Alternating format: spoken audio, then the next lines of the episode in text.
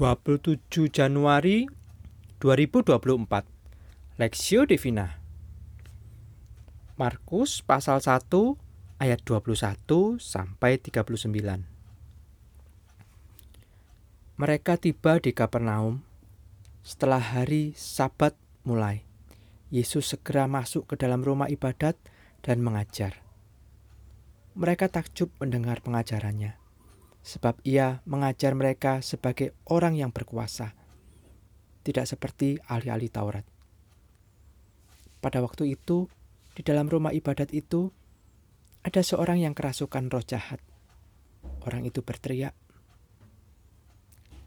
"Apa urusanmu dengan kami, hai Yesus orang Nazaret? Engkau datang hendak membinasakan kami? Aku tahu siapa engkau, yang kudus dari Allah."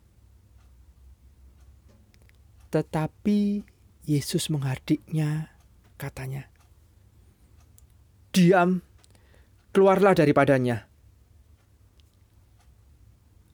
Roh jahat itu menggoncang-goncang orang itu, dan sambil menjerit dengan suara nyaring, ia keluar daripadanya. Mereka semua takjub, sehingga mereka memperbincangkannya, katanya. Apa ini suatu ajaran baru. Ia berkata-kata dengan kuasa. Roh-roh jahat pun diperintahnya dan mereka taat kepadanya. Lalu tersebarlah dengan cepat kabar tentang dia ke segala penjuru di seluruh Galilea. Sekeluarnya dari rumah ibadat itu, Yesus dengan Yakobus dan Yohanes pergi ke rumah Simon dan Andreas. Ibu mertua Simon terbaring karena sakit demam. Mereka segera memberitahukan keadaannya kepada Yesus. Ia pergi ke tempat perempuan itu dan sambil memegang tangannya, ia membangunkan dia. Lalu lenyaplah demamnya. Kemudian perempuan itu melayani mereka. Menjelang malam, Sesudah matahari terbenam, dibawalah kepada Yesus semua orang yang menderita sakit dan yang kerasukan setan. Maka berkerumunlah seluruh penduduk kota itu di depan pintu. Ia menyembuhkan banyak orang yang menderita bermacam-macam penyakit dan mengusir banyak setan.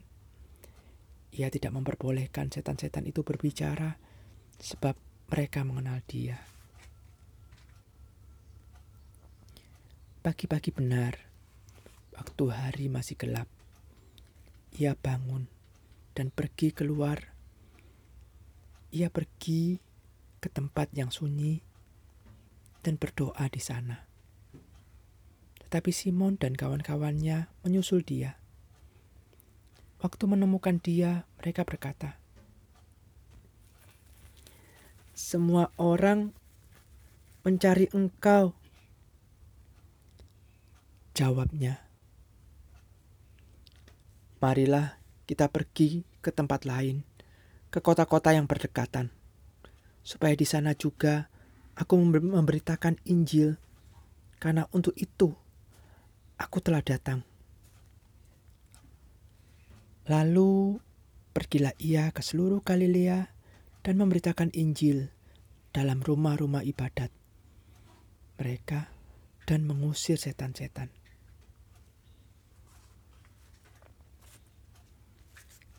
Kehidupan doa Yesus perspektif.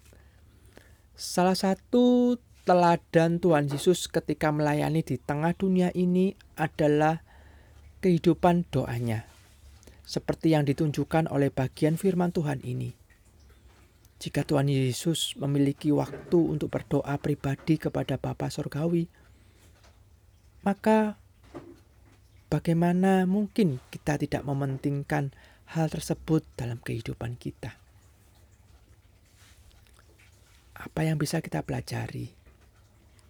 Tuhan Yesus bukan sekedar mengajarkan bahwa doa yang benar adalah harus di pagi-pagi benar dan di tempat sunyi.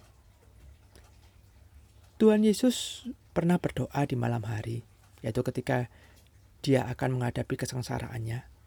Markus pasal 14 ayat 32 sampai 42.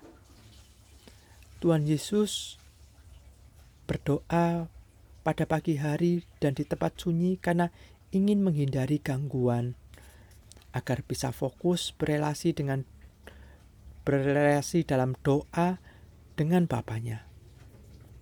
Tuhan Yesus ada di tengah-tengah pelayanan yang penuh dengan tuntunan tuntutan, harapan, dan keinginan dari orang banyak kepada dirinya.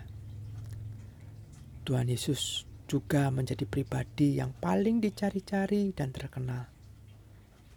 Oleh karena itu, Tuhan Yesus tahu bahwa dia perlu memelihara relasi dengan Bapa agar hidupnya tetap berfokus pada apa yang Bapaknya ingin Yesus lakukan.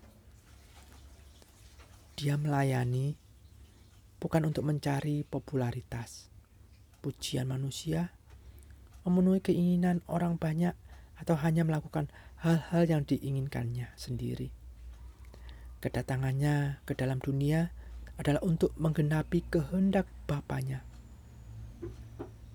Maka kehidupan doa setiap hari menjadi waktu Tuhan Yesus untuk bersandar dan mencari kehendak Bapa.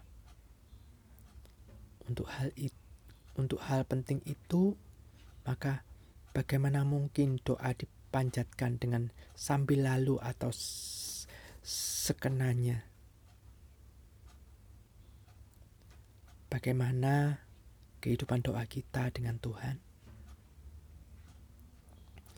Adakah kita memiliki waktu pribadi yang jauh dari gangguan untuk bertemu Tuhan lewat doa?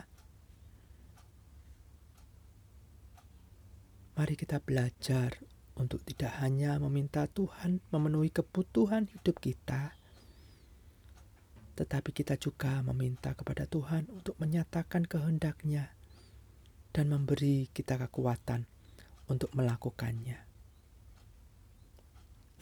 Oleh karena hidup kita sebagai orang-orang percaya dalam Tuhan Yesus adalah untuk melakukan apa yang menjadi kehendak Bapa di sorga bagi kita. Studi pribadi, bagaimana kehidupan doa Anda dengan Tuhan selama ini.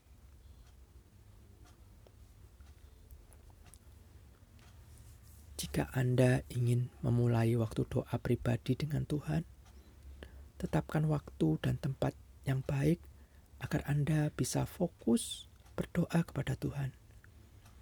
Kemudian mulailah melakukan jangan menunda. Pokok doa, berdoalah kepada Tuhan untuk meminta hati yang rindu berelasi dengannya dalam doa setiap hari, agar kita tahu bagaimana seharusnya menjalani keseharian hidup kita ini.